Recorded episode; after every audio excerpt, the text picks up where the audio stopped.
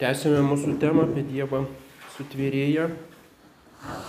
Dievas sutvėrė pasaulį pagal amžinąjį planą.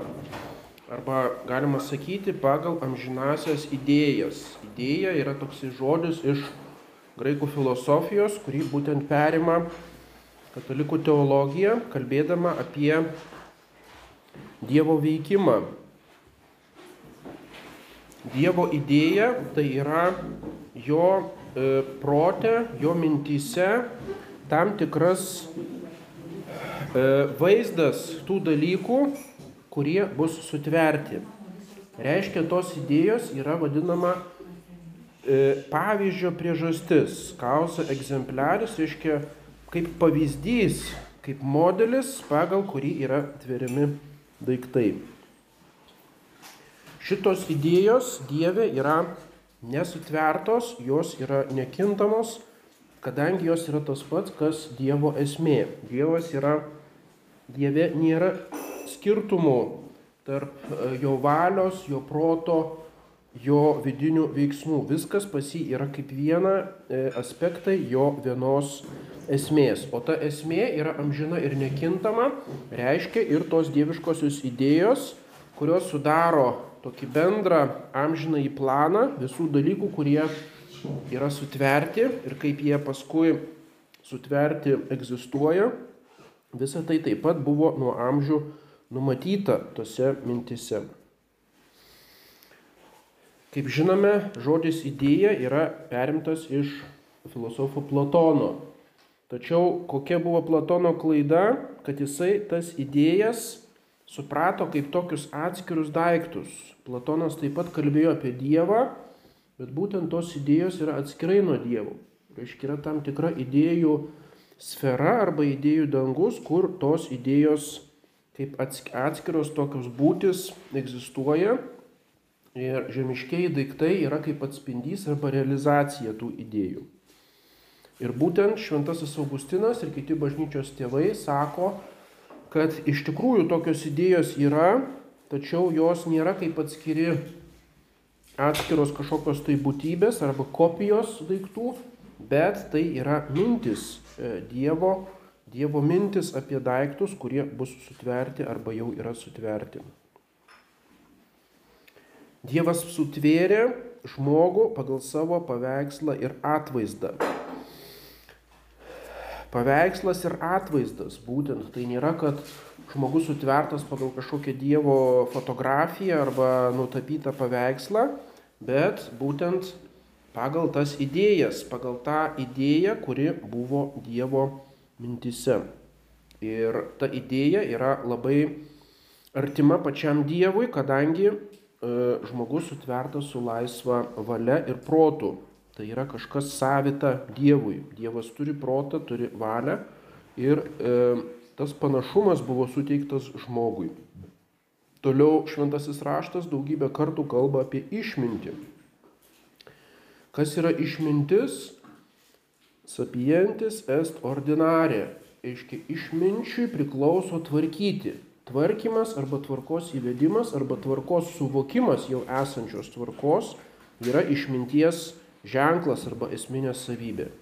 Ir jeigu šventasis raštas, patarlių knyga, išminties knyga, psalmės, būtent kalba apie tą Dievo išmintį, tai ta išmintis būtent ir apima tą visą tvarką daiktų.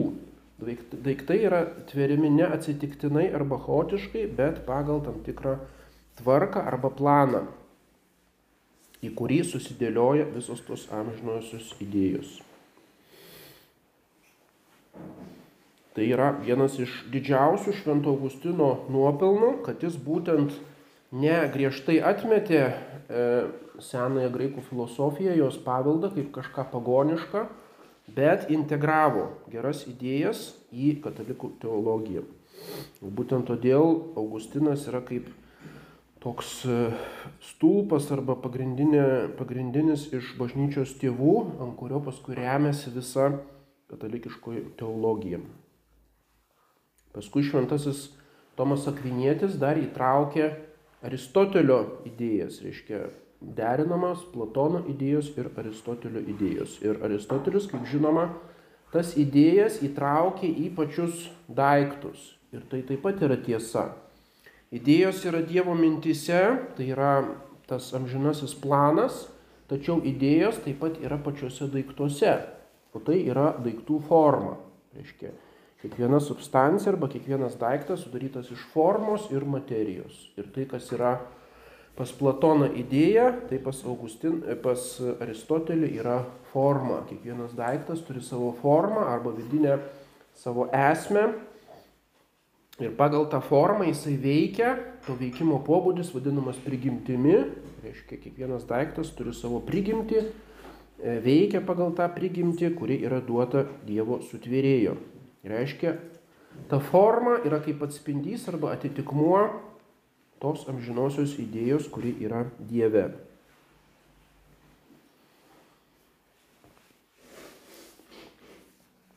Pasaulis nėra amžinas, tačiau jisai atsiradęs laike arba su laiku. Ir tai yra tikėjimo dogma, kad e, dabar esantis pasaulis nėra amžinas.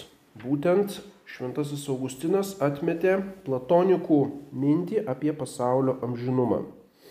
Ir apskritai daugumas, e, daugumas e, filosofų antikos būtent mąstė, kad pasaulis yra be pradžios ir be pabaigos. Taip pat šitos idėjos e, apie pasaulio amžinumą veikia kai kuriuos krikščionių mystikus. Ir tarkim yra meistras Ekhartas 14 amžiui, žymus mystikas ir e, filosofas, kurio e, visa mistinė teologija turi didžiulę vertę ir turėjo didelį įtaką Tačiau bažnyčia pasmerkė kai kurias jo klaidas arba tezes, kurias jis yra išsakęs klaidingas. Ir būtent viena iš pasmerktųjų tezių yra, kad e,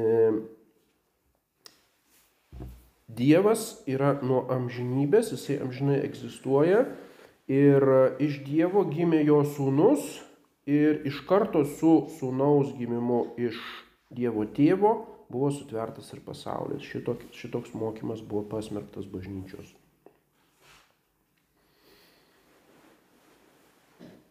Šimtas pirmoji psalmė sako, dienų pradžioje sutvėrė žemę. Dienų pradžioje sutvėrė žemę. Arba pradžios knygos pats pirmasis sakinys - diena, kurią Dievas sutvėrė dangų ir žemę. Tas žodis diena tai nereiškia astronominė reiškia nuo Saulės priklausantis laiko tarpas, bet reiškia tą momentą, kada prasidėjo pasaulis. Reiškia, pasaulis nėra amžinas. Tai buvo visiškai aišku nuo pradžios knygos e, visoje Senojo testamento e, teologijoje.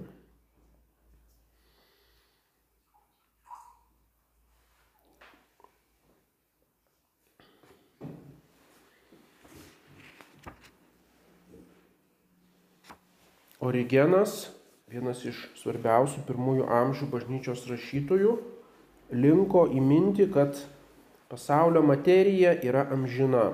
Reiškia, Dievas sutvėrė kažkurio momentu pasaulį, bet materija, iš kurios sutvėrė, yra amžina. Reiškia, jis buvo įtakotas šitų platoniškų idėjų ir bažnyčios tėvai pasmerkė tą Origeno mokymą, reiškia, vadinamas originizmas, vienas iš originizmo elementų apie amžinąją materiją.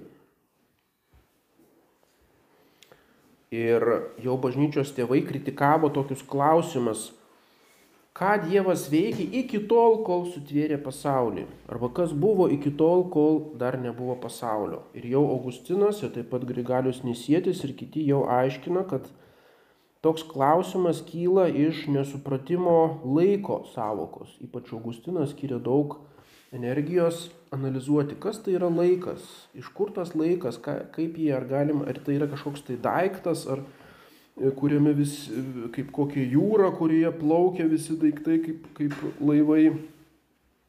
Ir būtent Augustinas išaiškino, kad laiko negali būti iki laikų pradžios, tai reiškia iki pasaulio sutvėrimo. Reiškia, pats laikas kaip toks turėjo pradžią, sutveriant pasaulį. Ir todėl yra beprasmiškas klausimas, kas buvo iki pasaulio sutvėrimo. Nieko nebuvo, nes e, nebuvo paties laiko kaip tiekmės vieno dalyko po kito. O kas buvo? Buvo amžinybė. Būtent amžinybė, kurioje gyvena Dievas, kurioje viskas yra, e, galima sakyti, vienu metu, viskas viename, būtent yra priešingybė laiko.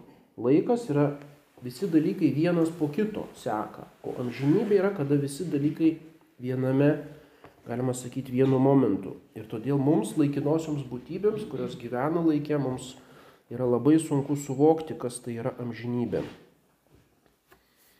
Taigi, prieš pasaulio sutvėrimo nieko nebuvo ir tai yra beprasmiškas klausimas. Ir tai visiškai patvirtino taip pat modernioji e, fizika arba modernioji kosmologija, kuri kalba apie didįjį sprogimą, iš kurio kilo visata ir būtent kartu kilo ir laikas. Reiškia, dabartinė fizika susiję erdvę ir laiką į vieną savoką erdvėlaikis. Reiškia, kartu su tuo sprogimu, materijos atsiradimu atsirado ir erdvėlaikis. Reiškia, iki didžiojo sprogimo nieko nebuvo. Nei erdvės, nei laiko. Tai nebuvo taip, kad kažkoks mažas kūnas e, tuščioje erdvėje ar vakuume sklaidė per kažkiek tai tūkstančių metų, o paskui jisai sprogo, bet pats laikas ir pati erdvė atsirado būtent to didžiojo sprogimo metu. Tai yra tokia kaip dabar pagrindinė tezė dabartinės kosmologijos, kuri visiškai atitinka būtent jau Švento Augustino supratimam.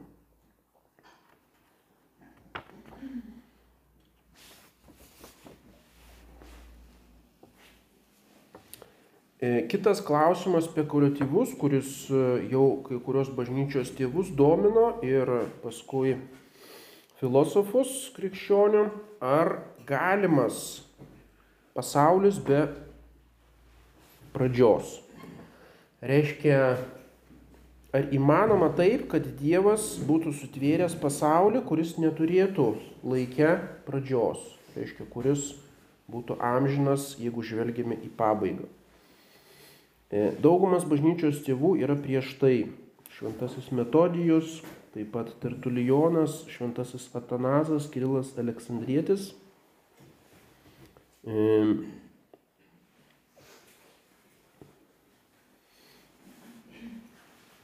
reiškia kalba, kad logos arba Dievo žodis buvo amžinas, jis buvo nuo amžinybės, tačiau pasaulis negalėjo būti nuo amžinybės, nes tada jisai nebūtų kilęs iš to amžinojo žodžio.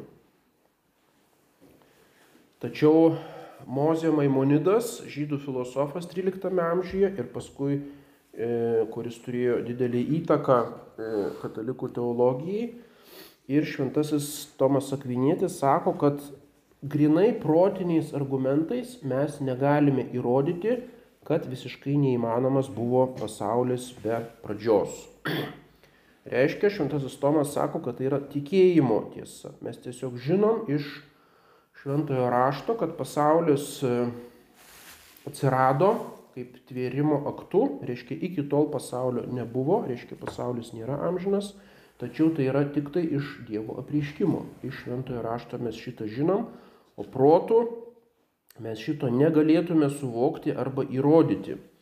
Ir to būdu jis lyg ir apgina tuos pagonių filosofus, kurie galvojo amžin, apie amžiną visatą, jie dar neturėjo apreiškimo ir tai amžinybė visatos neprieštarauja mm, grinai protiniai argumentai. Reiškia, tam reikalingas Dievo apreiškimas, žmogaus protas čia yra prisilpnas. Taigi, teoriškai galėtų būti toksai pasaulis, kuris būtų be pradžios, reiškia, būtų amžinas. Ar tai reiškia, kad tas pasaulis būtų nepriklausomas nuo Dievo arba lygus su Dievu? Ne. Tomas Akvinėtis sako, tiesiog Dievas iš savo amžinybės būtų sutvėręs pasaulį kaip amžiną. Reiškia visą tą laiko grandinę, be pradžios iki dabartinio momento jis reiškia nebūtų, kad be pabaigos, nes yra pabaigos grandinė, paskui laikas tęsiasi ir reiškia tą visą grandinę Dievas vienu metu e, sukūrė. Reiškia, jis yra kaip virš tos visos grandinės, kaip jos kūrėjas. Taigi Dievas galėjo sutverti tokį pasaulį ir tasai laikinis jo amžinumas nebūtų prieštaravęs arba nebūtų kaip konkurencija Dievo amžinumui. Tai buvo apie Dievo tvėrimo aktą, reiškia Dievas sutvėrė pasaulį. Tačiau tai nėra taip, kad Dievas davė pradžią, pirmą postumį ir paskui pasaulis jau rutuliuojasi savaime be Dievo įtakos. Kitas punktas e, tikėjimo dogma yra vadinama latiniškai gubernacijo mundi. Gubernacijo iš to žodžio yra gubernatorius, reiškia valdytojas. E, reiškia pasaulį Dievas toliau valdo arba tvarko. Tai yra kaip laivininkas, kuris e, vairuoja laivą jam plaukiant. Reiškia, Dievo išmintis ir Dievo visagalybė, jo protas ir valia veikia ne tik tai pradžioje, sutveriant pasaulį, bet per visą jo gyvavimo laiką. Kiekviename, kiekvienoje detalėje, kiekviename tvarinyje ir kiekvieną akimirką. Reiškia, nėra nei vieno aspekto ar detalės arba laiko tarpo, kur tvarinyje būtų kažkokiu tai būdu autonomiška nuo Dievo ar nuo jo nepriklausoma, reiškia nepavaldi jo valdymui. Plačiaja prasme tai vadinama apvaizda, nors siauraja prasme apvaizda tai reiškia e, pats Dievo E, jo prote esantis e, daiktų tvarkos nustatymas, kaip daiktai gyvuos, kaip jie vystysis, kaip, koks bus žmonių gyvenimas ir taip toliau. Tai yra apvaizdas siauraja prasme, tačiau Dievas per savo valdymą šitą gubernacijo, jisai tą savo apvaizdos planą įgyvendina. Ir todėl pats tas įgyvendinimas taip pat vadinamas apvaizda. Tai yra visiškai aiški tikėjimo dogma, kurią patvirtino pirmasis Vatikano susirinkimas. Dievas valdo viską, ką jisai sutvėrė. Taip trumpai sako būtent susirinkimo e, tekstas. Prieš ką nukreipta, prieš kokią klaidą, prieš vadinamąjį deizmą. Tai yra du tokie panašus žodžiai - teizmas ir deizmas. Teizmas tai reiškia e, filosofinę doktriną, pagal kurią yra Dievas, kuris e, reiškia yra virš kosmoso. Visi, kas pripažįsta Dievą, yra teistai. Tai yra teistinė. Teizmas kaip priešingybė ateizmui, kuris yra priešingas Dievui. O štai deizmas reiškia, kad yra toksai Dievas, bet jis yra kaip laikrodininkas, kuris sukonstravo laikrodį, jį užsuko ir dabar laikrodis automatiškai tiksi ir e, Dievas jį galbūt iš vis pamiršo, o galbūt tiesiog paliko jį jo e, laisvam, e, reiškia, tolesniai eigai. Ir štai tas deizmas 17 amžiuje išpopuliarėjo Anglijoje, paskui 18 amžiuje jis turėjo įtakos masonerijai, Mm, nors ne visi masonai buvo deistai, reiškia, nėra tas tapatybė, reiškia, kai kurie sako, kad deizmas yra kaip masonerijos ideologija, nors daug masonų buvo ne, nebuvo deistai, kadangi tas klasikinis anglų deizmas, jisai šiek tiek susikompromitavo vėliau ir mm, buvo net persekiojamas valstybės ir taip toliau, ir todėl mm, tai nebuvo ilgai trukusi tokia grynų pavydalų reiškia, teorija, bet vėliau tas deizmas jisai įvairiais pavydalais tęsiasi vis dėlto iki šių dienų ir daugelis dabar taip irgi įsivaizduoja, kad Dievas sutvėrė pasaulį, jis kažkur yra labai toli, tačiau jis visiškai nesikiša į to pasaulio veikimus, veikimą. Ir pirmiausia, deizmas yra nukreiptas prieš stebuklus. Sako, kad visiškai stebuklai yra nereikalingi ir Dievas stebuklų nedaro, nes tai būtų kaip tokia visiškai nereikalinga intervencija į Dievo tvėrimo darbą. Šitame savo valdyme, pasaulio valdyme, Dievas pasinaudoja sutvertomis priežastimis. Reiškia pačiame tvėrimo darbe, tvėrime iš nieko, ex nihilo, Dievas neturėjo jokių bendradarbių Ir štai visiškai priešingai yra Dievo valdymo darbe. Jisai pasinaudoja vadinamomis antrinėmis priežastimis. Pirmoji priežastis yra pats Dievas, bet jisai valdo per kitus. Pirmiausia, per savo angelus, kurie turi įtakos pasaulį, angelai sargai. Toliau per kitus žmonės, per žmonės, kurie, kuriems patikėtas pasaulio valdymas, jo tvarkymas. Ir ypač žmonių visuomenėje arba moralinėje tvarkoje, vieni žmonės valdo per kitus, reiškia tą moralinį planą, e, į kurį įeina taip pat ir religija, kaip Dievo garbinimas, reiškia vieni žmonės paskatina arba veda kitus šitame plane. Ir tai apima šeimą, auklėjimą, valstybę ir visą kitą. Reiškia, turime suvokti, kad jeigu turime atsakomybę už kitus žmonės, ypač už jų sielas, taip pat už pasaulį arba pasaulio daiktus ir pasaulio reikalus, mes esame lyg įgaliotiniai arba ambasadoriai Dievo apvaizdos arba Dievo e, pasaulio tvarkymo ir valdymo darbe. Valdytojo tikslas, kas yra valdymo tikslas, tai yra pats galutinis visos tvarinijos tikslas, apie kurį jau kalbėjome, reiškia didesnė paties Dievo garbė reiškia paties Dievo valdymo ir visų tų, kurie dalyvauja tame Dievo valdyme, irgi toks pat yra tikslas - vesti tvarinius į jų tikslą. Viso, visą tvarinyje ir kiekvieną tvarinį atskirai. Reiškia, tie, kas dalyvauja Dievo valdymo darbe, turi prisidėti prie tvarinių e, tobulumo. O tas tobulumas yra, kada jie tobulai atitinka savo galutinį tikslą, kuris yra būtent Dievas. Reiškia, kuo didesnį tobulumą pasiekia dalykai, tuo jie labiau atitinka tą Dievo amžinai planą, Dievo apvaizdą. Ir būtent tai yra kažkas tai gero. Reiškia, tvariniai siekia to tobulumo, siekia savo prigimties įgyvendinimo. Tai yra kažkas tai, e, galima sakyti, užprogramuota visose tvariniuose. Ir e, nusižengimas tam yra fizinis arba moralinis blogis. Tačiau netgi nusidėdami prieš tą tvarką ir prieš tą valdymą, e, tvariniai negali ištrūkti iš Dievo valdymo. Tvarinys, netgi protingas, toks kaip angelas ir žmogus, negali pasakyti, kad aš atmetu Dievo vedimo arba valdymo dar, e, reiškia, režimą, o aš būsiu dabar visiškai nepriklausomas. Tai yra visiškai neįmanoma.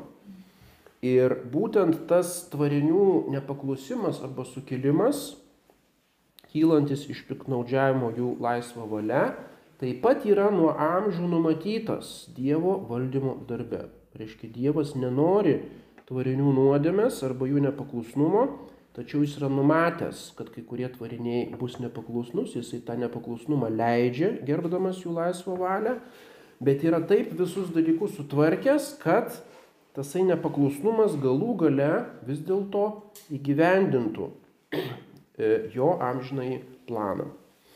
Tarkim, koks nors Romos imperatorius persekiojo krikščionybę. Jisai nusižengė tam dieviškam planui, kad dabar turi iškilti e, vienintelė e, religija, krikščionybės religija. Tačiau savo nepaklusnumu jisai prisideda prie to, kad gimsta kankiniai. Reiškia, yra kankinystė, reiškia jis netiesioginiu būdu prisideda prie didelio skaičiaus kankinių šventųjų atsiradimo. Ir ta kankinystė, kaip sakoma, kankinių kraujas yra bažnyčios sėkla, reiškia ta kankinystė padeda plisti bažnyčiai ir galiausiai prisideda prie didesnės Dievo garbės, reiškia didesnės, negu jinai būtų buvusi, jeigu nebūtų buvę kankinių. Arba kaip judo išdavystė prisidėjo prie Jėzaus išganimo darbo. Reiškia, visi tie blogi dalykai taip pat yra neišvengiamai įtraukti į šitą planą.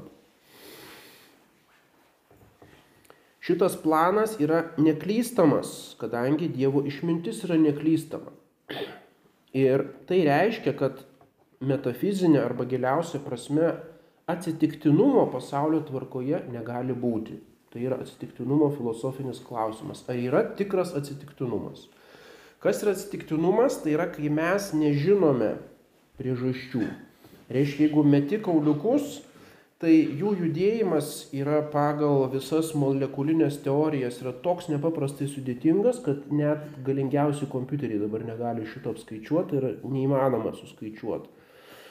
Arba net čia jau labai sudėtingas dalykas, bet jeigu imant, tarkim, kelias anglies molekulės, į kokią organinę molekulę jos susijungs, atrodo paprastas yra tik tai keli kintamieji, kuriuos galima būtų apskaičiuoti, bet dabartiniai superkompiuteriai negali apskaičiuoti net iš penkių anglės molekulių susidarančios, susidarančios e, iš penkių anglės atomų susidarančios molekulės. Reiškia, tai yra tokie sudėtingi procesai, kad žmogaus protui ir kompiuteriams tai yra visiškai neįmanoma to nustatyti ir todėl mes kalbame apie atsitiktinumą.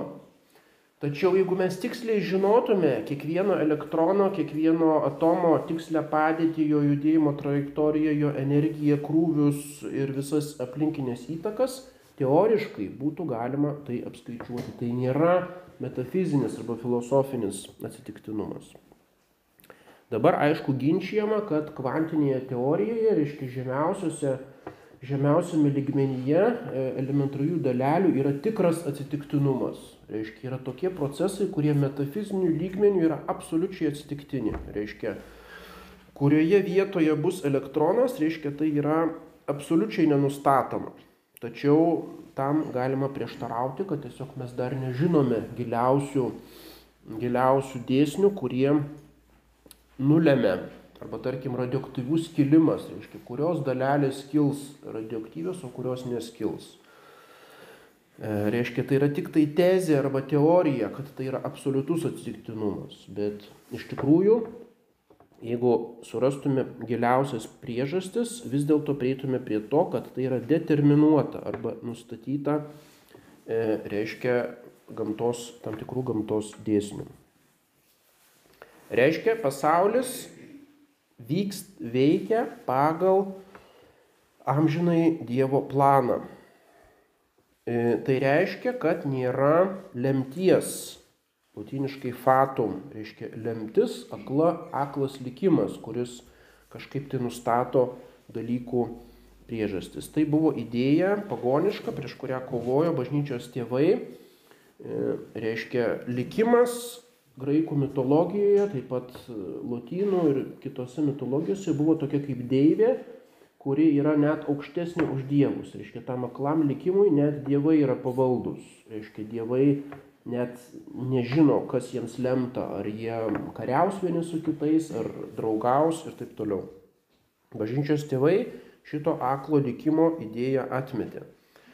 Taip pat atmet, atmesta astrologija, kaip rėmimasis žvaigždėmis, atseit žvaigždės e, nustato, žvaigždžių konsteliacijos nustato, koks bus likimas žmonių arba ištisų tautų. Tokio likimo nėra, nes tas likimas iš esmės yra iracionalus, jis yra aklas, jis yra neprotingas, reiškia, yra kaip tam tikras toksai, reiškia, tas ypač rytų rytų filosofijose, reiškia, kinų daoizmas yra toks kaip Tao, kuris nėra asmeninis dievas, kuris yra tiesiog būtent toks likimas, kuris teka ir žmogus turi kaip šapelis įkristi į tą likimo upę ir tik tai išmokti joje naviguoti, reiškia, laviruoti. Tai yra visa daoizmo, kinų daoizmo, reiškia, filosofija, kuri yra iš esmės klaidinga. Kadangi žmonių likimus, žmonių gyvenimą tvarko ne aklas, akla lemtis, ar kažkokios žvaigždės, o būtent protingas ir mylintis Dievas jo apvaizda per savo dieviškai, e, dieviškai, e, dieviškai, dieviškus nutarimus. Kaip tai suderinti su sutvirtų tvarinių laisva valia? Šitas Dievo e, pasaulio veikimas nėra prievarta prieš laisvą valią. Kodėl? Apie tai jau kalbėjome, kadangi pati laisva valia yra įtrauktas kaip vienas iš elementų e, neklystamo pasaulio plano, kuris bus įgyvendintas. Reiškia, Dievas ne prievartauja valią arba veikia prieš valią, bet pati valia, kuri yra visiškai laisva ir iš tikrųjų laisva, ne vien regimai, kad mes turim iliuziją laisvės, jinai iš tikrųjų yra laisva valia, Bet ta laisva valia veikia taip, kad įgyvendinamas galų gale yra Dievo planas. Kaip tai įmanoma ir kaip tai suderinti, tai yra praktiškai viena giliausių paslapčių tiek filosofijoje, tiek teologijoje ir iki pasaulio pabaigos mes šito iki galo neišsiaiškinsim. Buvo daugybė ginčių dėl to, visokiausių subtilių tikslinimų, kur tiksliai veikia Dievo vedimas, o kur tiksliai žmogaus laisva valia reiškia, tarkim, nuodėmės akte ar kitur, bet tai yra tik tai teologų spekulacijos. Tai buvo didysis ginčas dėl molinizmo. Molinizmas buvo jezuitų teolo, teologija, kurie gynė perdėtai žmogaus valios laisvę ir tomistai, kurie atmetė molinizmą, reiškia buvo dominikonų jezuitų ginčas vos ne šimtą metų ar daugiau dėl būtent šito santykio tarp Dievo neklystamo vedimo ir žmogaus laisvos valios.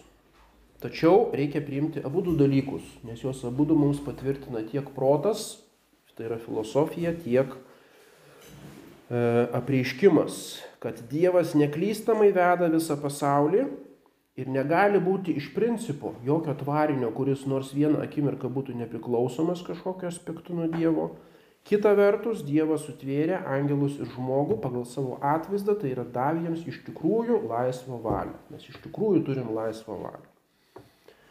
Ir dabar laisvos, laisva valia yra kaip, kaip jau labiausiai niekinamas dabartinio mokslo reiškia, dalykas, reiškia, vadinamasis neuromokslas arba visa dabartinė psichologija ir E, informacijos ir, ir neuronų, reiškia, teorijos, tai yra kaip pagrindinis jų puolimo objektas. Reiškia, kad laisva valia yra tik tai iliuzija. Žmogus įsivaizduoja, kad jis laisvai, o iš tikrųjų jis yra visiškai determinuotas ir grinai vedamas kažkokių savo vidinių instinktų, savo pasąmonės, savo nervinių procesų, išorinių įtakų ir nieko jis negali padaryti, jis yra kaip mašina, kuri, reiškia, užvesta ir būtinai taip elgesi, o ne kitaip.